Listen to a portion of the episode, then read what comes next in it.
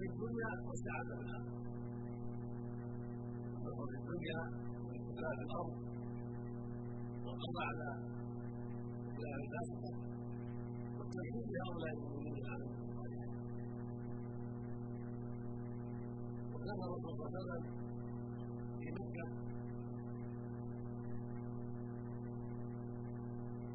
لم يستطع تنفيذ أمر الله هناك لعدم القوه التي يستطيع بها القضاء على اسباب الكفر فاخر الله جل وعلا امره بالجهاد وامرهم بالقتال حتى هاجروا حتى صاروا بمحل امن يستطيعون فيه جهاد عدوهم وجمع قوتهم وعلاج اعداء الله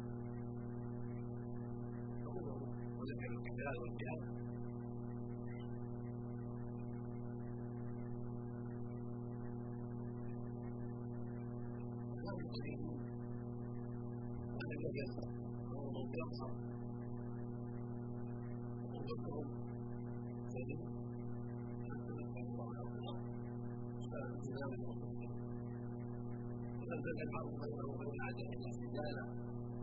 ينالون منه وينال منه ونصر عليه في بدر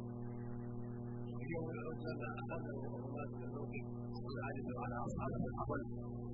والسكين والقتل والجراحات ليبين للناس سبحانه وتعالى اسباب النصر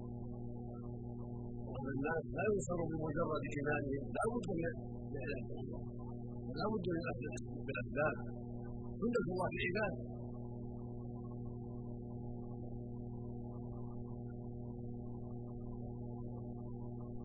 وقد أمره النبي صلى الله عليه وسلم في أمر الرماة فلزموا موقفهم الذي يدعون به ظهر المسلمين. قال ولو رأيتم الطير تلقفنا لا تزال مكانكم. فلما رأوا سجال العدو وذله العدو وسقوط رأيتهم ظن الرماة أنه ليس له وانه انتهى العدو فأكلوا بالموقف ودخل الكفار ذلك الجانب واستهدر المسلمون بعدلهم وحصل ما حصل وهو مصيبة عظيمة. على المسلمين برأس جماعة كبيرة ودار جماعة يقول عن النبي صلى الله عليه وسلم عليه الصلاة والسلام في غيبته أشرف بيضة على رأسه لعل يبين لنا انه لا بد من الاخذ بالاسباب مع جهاد الأعداء ومع الثبات على الحق والايمان بالله ورسوله والوقوف عند حدوده. يا أيها الذين آمنوا خذ عظكم. أنتم مأمورون باحلال القوة ومامورون بأهل العلم وكل ذلك جميل بأمر الله. وطاعة لله وأخذ بالأسباب التي شرعها سبحانه والأساس المتين الذي عليه المدار والإيمان بالله والصدق في أداء حقه وترك معصيته والوقوف عند حدوده ولو مجرد الإيمان والتقوى يكفي من كل جهاد ولا قتال ولا إعداد فيغفر المسلمون في فقد ذلك ولم يحتاجوا إلى علاج الاعداء ولا حفظ السلاح فلا بد من إيمان وتقوى ولا بد من علاج القوة واهل العلم والصبر والمصابرة. ولا بد أن ينال شيء لا بد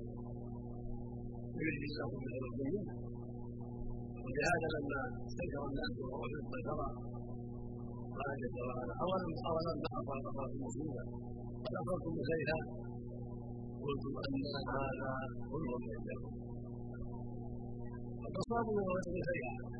قتلوا سبعين وقتلوا سبعين ووقفوا على عدوهم وغدروا لما اتحدوا واستقاموا ولم يشكوا به الخلل وقفوا على عدوهم مع انه قريب ثلث العدل والعدل يكون ألف وهم ثلاثمائة أو عنه فنصرهم الله على عدوهم بسلطهم ومنائهم وصفاتهم فلما حصل الخلل يوم هم أكثر من أهل بدر كما ذكروا يبين للناس سبحانه وتعالى أنه لا بد من الاولين لا بد من الإيمان والتقوى والصدق والصبر والمصابرة.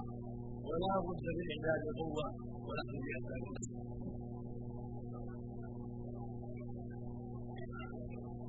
حتى قال النبي صلى الله عليه وسلم واذا كنت فيهم فأقمت لهم الصلاة قالتهم طالبهم طالب معك وليقولوا فاذا سجدوا فليكونوا ورائك قالت لا تطالب صلى الله عليه وسلم معك وليأكل حفظه حفظه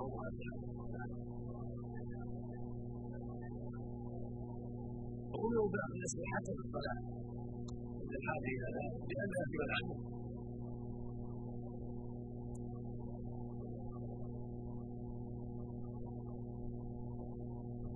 فلا بد من إعداد وصبر ومصابره ولا بد من ثبات الإيمان واستقرار على الحق ومعاوضه عليه وإقامة لحدود الله وأمر بالمعروف والنهي عن المنكر. والرأي على أسباب الفساد كما قال عز وجل في كتابه العظيم والمؤمنون والمؤمنات بعضهم أولياء بعض يأمر بالمعروف وينهون عن المنكر ويقيمون الصلاة ويؤتون الزكاة ويطيعون الله أولئك ترحمهم الله وعدهم الرحمة التي منها النصر. ومن يدخل الجنة وإن كان من النار إلا بأعمالهم الطيبة بإيمانهم وصدقهم. وقول الأولياء. في الله ويسعون بالبر والتقوى ولا يرتدون على إخوانهم السوء لا يغتابونهم ولا يمنون عليهم ولا يحسدونهم بل بعضهم.